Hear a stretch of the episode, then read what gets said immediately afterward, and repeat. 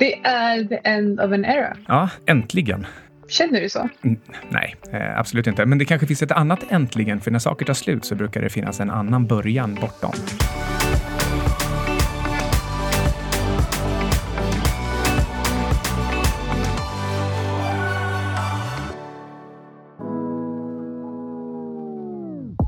Vet du vad Gert Fylking brukar säga när litteraturpriset, alltså Nobelpriset, delas ut? Nej, ingen, ingen aning. Han, han, brukar alltid vara utklädd till någon journalist som ingen känner igen för att han är ju inte välkommen och sen så ropar han alltid äntligen när det där konstiga namnet på någon som ingen normal människa någonsin har hört talas om eh, presenteras. Eh, och det är lite så nu med avsnitt 124 av Outsiders. Det är the end of an era. Ja, äntligen. Känner du så? Mm, nej, eh, absolut inte. Men det kanske finns ett annat äntligen, för när saker tar slut så brukar det finnas en annan början bortom. Men så är det, allting har ett slut. Det är någonting som vi har lärt oss det här året. Ja, det har vi. Tack så mycket. vi har också lärt oss att uh, saker och ting uh, har en början. Det har jag lärt mig jättemycket det här året. Um, och uh, nu börjar vi med en annan grej. Eller ja, vi har gjort det ganska länge. Men nu är det på riktigt. Nu händer det. Ja, så istället för att loopa guld och bitcoin här om och om igen så ska vi alltså alltså antilopa. Fan vad dåligt.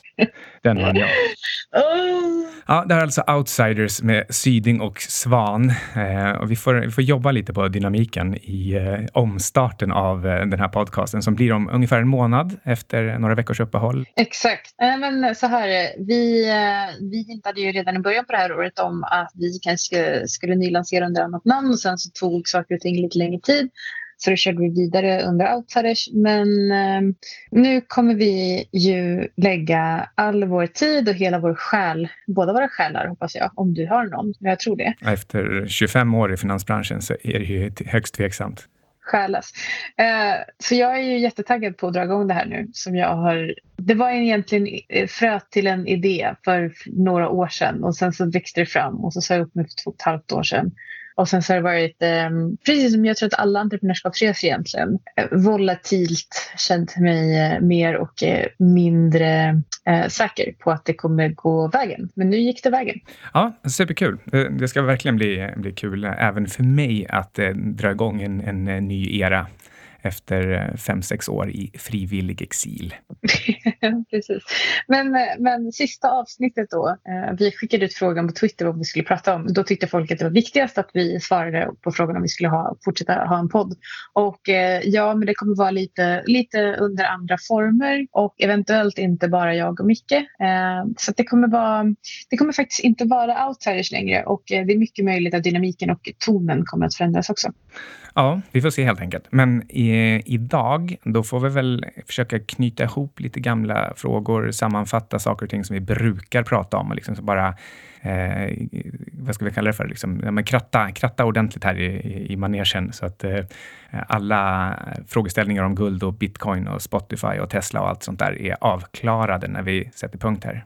För Aselio känns det ju som att det är ganska viktigt att vi också avslutar med. För det har ju varit ett case som följer oss och har följt oss ganska länge och vi har pratat mycket om det. Så det känns konstigt att avsluta podden utan att nämna det. Nej, och eh, det passar ju precis, det passar ju jättebra idag efter den här senaste succéveckan.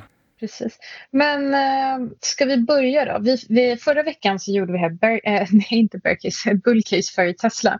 Och äh, då var det någon som bad oss om att göra samma sak för guld och silver för att verkligen visa att vi kan gå emot vår egen bias. Så att nu ska vi helt enkelt säga vad skulle kunna vara liksom största risken eh, eller nedsidan med att äga guld och silver? Och du kanske kan ta silver då, för att jag anser ju att silver snarare är spekulation än, eh, än faktiskt investering. Jag tycker inte riktigt att det är jämförbart med guld, för att ofta när man köper silver så gör man det med argumentet det är gold on steroids och om guld ska upp så ska silver upp desto mer. Och eh, det tycker jag, ja men som sagt, det är mer spekulativt än något annat. Men eh, börja med guld då.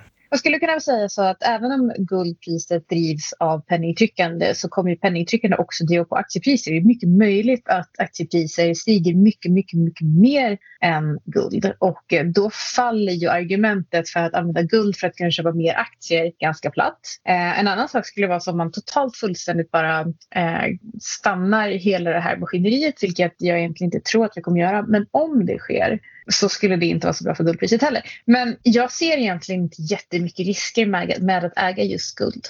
Är jag för biased? Alltså jag gillar den här första punkten med, med att eh, pengarna går in i annat istället. För guldet, det, det producerar ju ingenting. Det ligger bara där. Det är liksom en, en gul sten som inte förändras överhuvudtaget. Och eh, om man vill ta alla de här gratispengarna som, som trycks och pumpas ut och faktiskt göra någonting med dem, då, då kanske det är så att de, de alltid dras till produktiva saker. Alltså alltid någon typ av affärsverksamhet eller till och med aktier. Så liksom även en, alla aktier som går med vinst, eh, hur högt de än värderas, så kommer de fortfarande ha en positiv yield. Och det har ju faktiskt inte guldet. Så, så det, det kan vara så eh, att, eh, ja, att dynamiken för alltid, när penningtryckandet är igång, gör att eh, andra tillgångar drar ifrån. Så, så där, där håller jag med.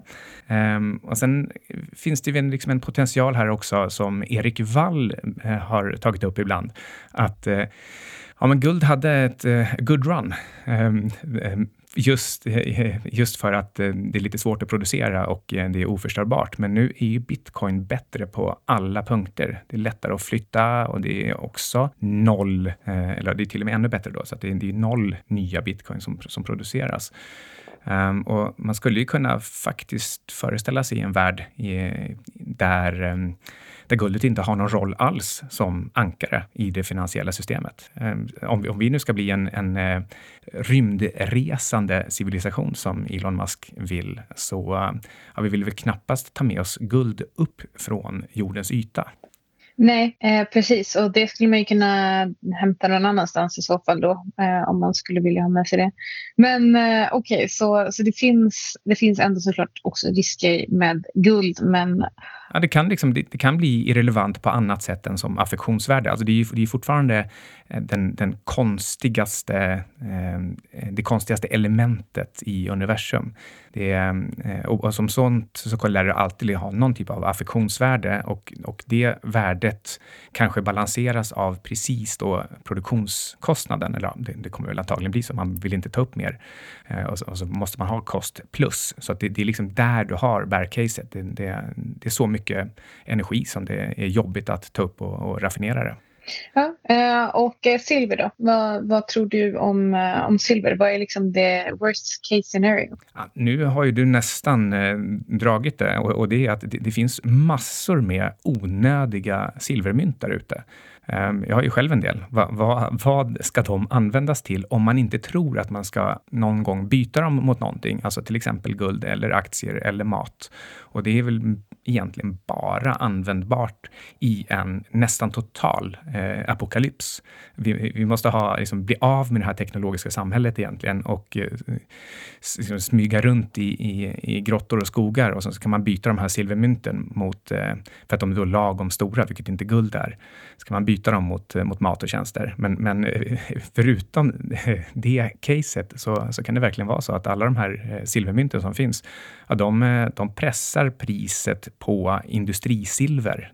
Så liksom det lilla silver som ändå behövs i industrin, ja, lilla, det behövs ganska mycket, men, men det kan fortsätta att eh, hållas under till och med produktionskostnaden, så som det har sett ut för eh, uran väldigt länge. Att man har, man har så stora lager att eh, Ja, eh, den här eh, Gold on steroids-effekten och spekulationseffekten av att det är gulds lillebror, eh, den, den kan utebli för att den, den har liksom inte så mycket mer bas än just det här spekulativa elementet.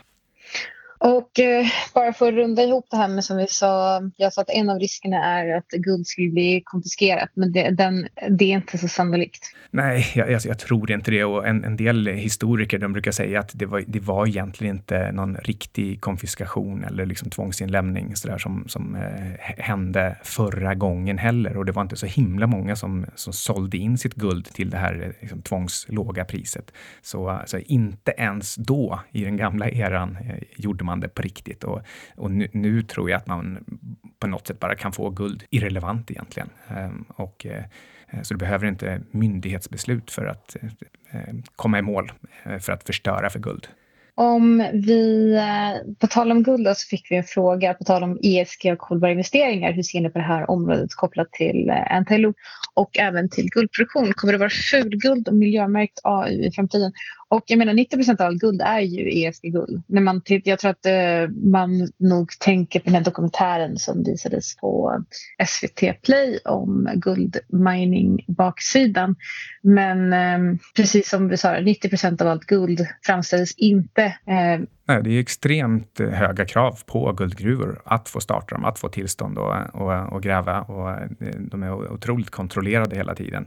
Eh, och som sagt, den här dokumentären, det, det visade ju bara just de som skapar fulguld och det, det är en ytterst liten andel och, och, det är småskalig produktion för att ja, på något sätt försöka överleva i, i pyttesmå samhällen. Så, och det där guldet, ja, det letar sig egentligen inte fram till oss.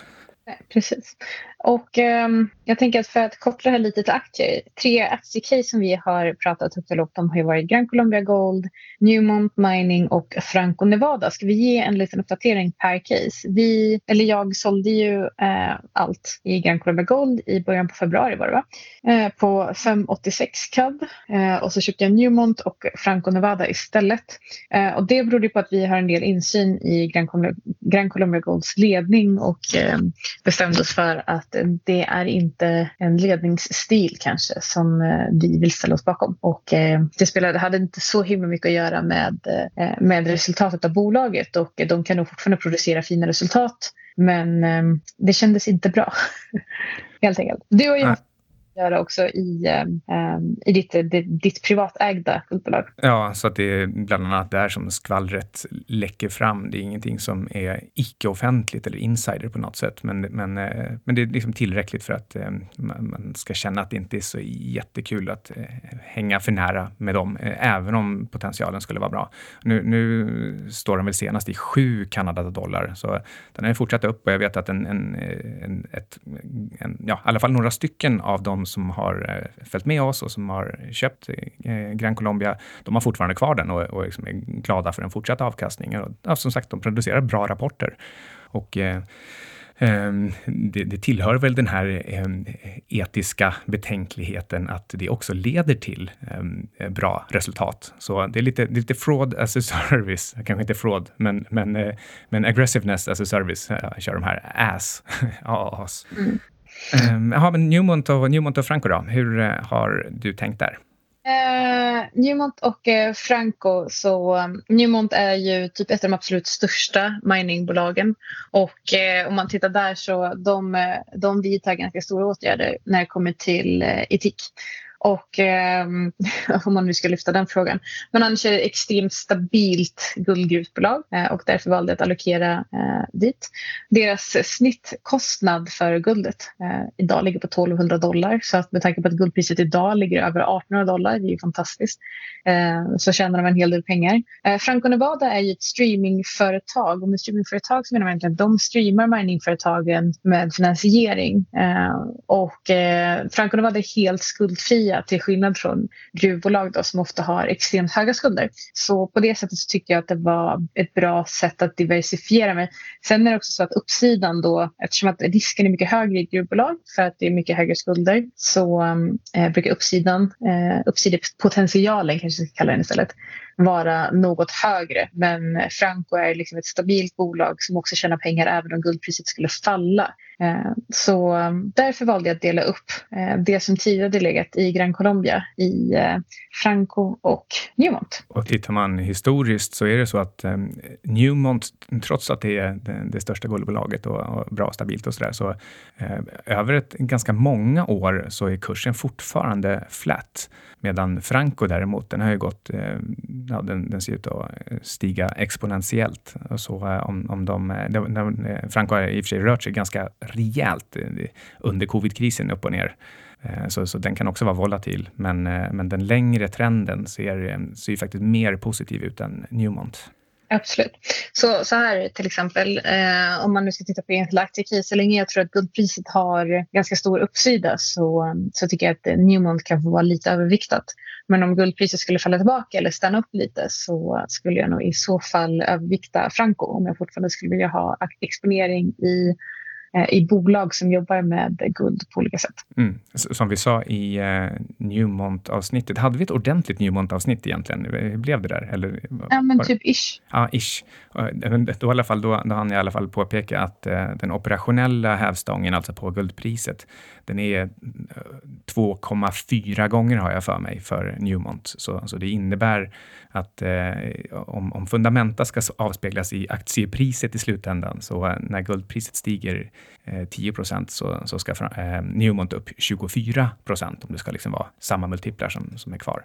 Så det är ganska, tror man på ett högre guldpris så får man ganska bra extra skjuts för pengarna så att säga. Vi fick en fråga om First Mining bara lite snabbt. Eh, det är liksom en superjunior guldgruva som inte ska producera guld förrän om kanske fem år. Och frågan var egentligen, brukar sånt här vara diskonterat i priset i, i förväg eller inte? Och jag skulle säga att om man ställer den här typen av fråga om den typen av bolag, alltså ett, eh, eh, ja, det är, det är liksom en startup, en startup-gruva. Eh, då ska man inte egentligen investera i den här typen av enskilda bolag, för det är, alltså du måste kunna det här utan och innan. Vad har de för exakta eh, skuldsituationer? Hur, hur säkert är det att de liksom, har management här byggt gruvor förut? Kommer de köra det här i mål? Eller, eller, liksom, eller, det här kan ju vara en konkursrisk hur lätt som helst om de inte vet vad de gör. Och kursen gick också ner 90 procent mellan 2016 och, och nu ungefär. Och sen har den gått fyra gånger sen i mitten av mars, alltså från 8 cent till 32 cent. Så, så det här är uppenbarligen extremt mycket aktiekursrisk i alla fall och, och jag tror att den nog också speglar vad som händer i bolaget, för du, du vet inte om de här kommer producera guld någonsin. Uh, nej, precis. Så då är det ju i så fall om du har extremt hög riskaptit. Men, uh, men jag skulle välja bort det och säga att det finns så pass mycket andra mer stabila guldbolag som du kan titta på istället. Men uh, det är ju min väldigt personliga och subjektiva upplevelse av det hela. Men ska vi prata om något annat som med hög risk? Ska vi prata lite om kryptovalutor? Ja, alltså vi har ju påpekat några gånger att eh, i samband med den här halveringen som skedde eh, i maj var det väl, så eh, då brukar det vara en ganska så lång konsolideringsperiod innan den här dynamiken med att kursen då borde vara mycket högre eh, eftersom det, man får mindre, mindre belöning och det blir högre, högre stock to flow. Just det, precis. Den, den dubblas ju då. Och, eh, men tittar man liksom på lite mer komprimerade grafer så ser det liksom, man, kan, man kan lura sig själv och tro att ja, men det är då kursen ska sticka iväg ordentligt. Men, men egentligen så, det är inte särskilt förvånande att, eh, att till exempel bitcoin bara ligger kvar här kring 9-10 000 dollar. Och eh, jag skulle nog till och med säga att, att det är ett rejält styrketecken och beror nog på att det trycks så himla mycket pengar att, att eh, bitcoin inte får sin egentligen naturliga och förväntade svaghet som borde varit efter den här halveringen. Så eh, om någon skulle fråga mig nu om det är läge att köpa bitcoin eller inte, så helt utan att göra någon rekommendation, så, eh, så tror jag att den här skulle kunna stå i 50 000 dollar om kanske 18 till 24 månader. Om man tittar på senaste halveringen så var den under 2016 och sen så dröjde det till hösten 2017 innan vi såg eh, den riktiga liksom, rusningen på kursen. Ja. Så det var många som förväntade sig nu av någon anledning att eh, vi skulle se en kursrusning på en gång. Men eh, det var det liksom aldrig tal om. Mm, men eh, på, på grafen så ser det, det ser ut liksom som att den här konsolideringen, den, den, den vill inte eh, stanna här nere mycket längre till tror jag. Eh, det beror förstås på vad vi får för, eh, för utveckling även på andra delar av den finansiella marknaden. När vi står inför ett presidentval och sådär. Så det, eh, man får väl räkna med att Fed och Trump gör ganska mycket för att hålla allting under vingarna och då, då är penningtryckande en stor del av det. Och då, det kanske liksom är så att bitcoin den här gången går fortare än man annars hade kunnat förvänta sig ja, vi, eh, den som lever får se, höll jag på att säga. Men ska vi avslutningsvis då gå in lite på Aselio? För att nu fick de ju både, kursen drevs ju på, vi spelar in det här torsdagen den 9 juli och det här kommer sändas fredagen den 17 juli. Att vi spelar in det ganska tidigt så, och det är ganska mycket som kan hända i Aselios kurs eh, på lite mer än en vecka. Vi får se om vi står i 10 kronor eller 25 när det här sänds. Men, men det som hände då var att Redeye har startat en bevakning och de la eh, base case på 25 kronor, bull case på 38 kronor per aktie och det här drev, drev kursen och som eh, lite kronan på verket då så kom de ut med ett nytt eh, MOU som potentiellt skulle kunna vara värt eh, typ 2,5 miljard eh, från nu till år 2025. Eh, och om man nu bara ska sammanfatta serien lite, de ska göra första kommersiella eh, installationen i Q4 i år. De kommer också göra en emission Q4 i år, det ska man också vara väldigt medveten om så att det är ingen som blir förvånad över det. Och eh, det har de sagt hela tiden så det är inget nytt. De har en fabrik idag som har en kapacitet för produktion av leveranser som kommer vara värda 13 miljarder per år. Det blir ebit på 2 miljarder. Och eh, de är ganska nära med att fylla den här för 2024 med redan befintliga eh, MOUer. Så då är frågan då kanske om man ska vänta till emissionen. För senaste emissionen gjordes på mycket lägre kurs eh, än vad kursen stod i då.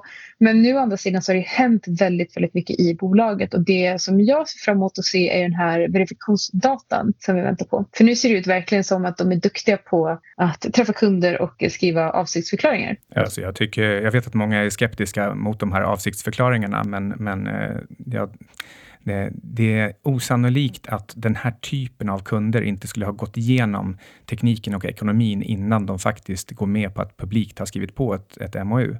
Och, eh, och nu när Azelia har fått momentum på MOUer, trots att vi har, jag menar, världen är ju fortfarande lite nedstängd och de har fortfarande inte verifikationsdata. Och ändå så har de signat, det så det här stora på 2,5 miljarder och sen eh, bara några dagar tidigare, så var det, eller en vecka tidigare, var det något på, på cirka en miljard i eh, ja, motsvarande. Då.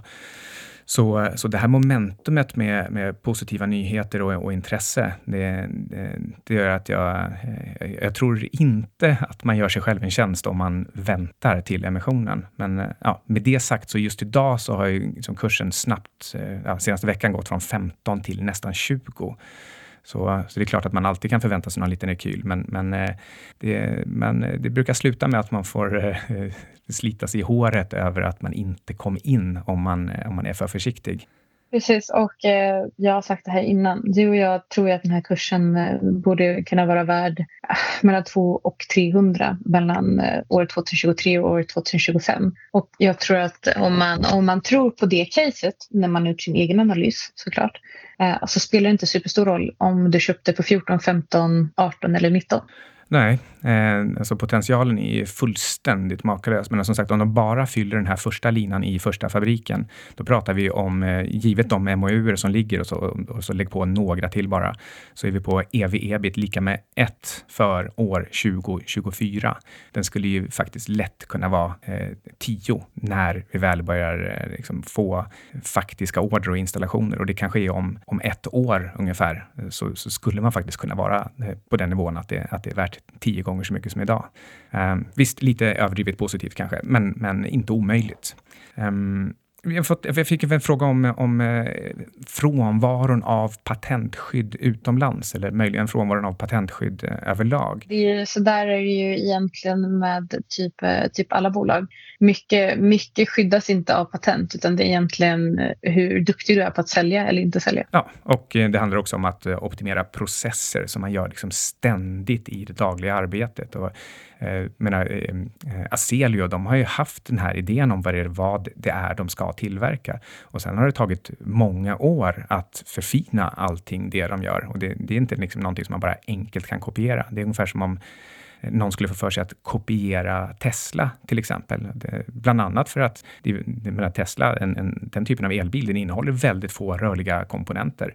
Så, så den är ju, är ju egentligen på ett sätt lätt att kopiera. Och dessutom har Tesla också sagt att eh, alla våra patent är öppna, givet att de som använder dem också öppnar sina patent för oss. Eh, nu är det ingen som har, eh, ingen som har velat använda någonting från Tesla, för det verkar inte som att de hade något som var värt någonting alla fall inte lika mycket värt som de andra biltillverkarna har.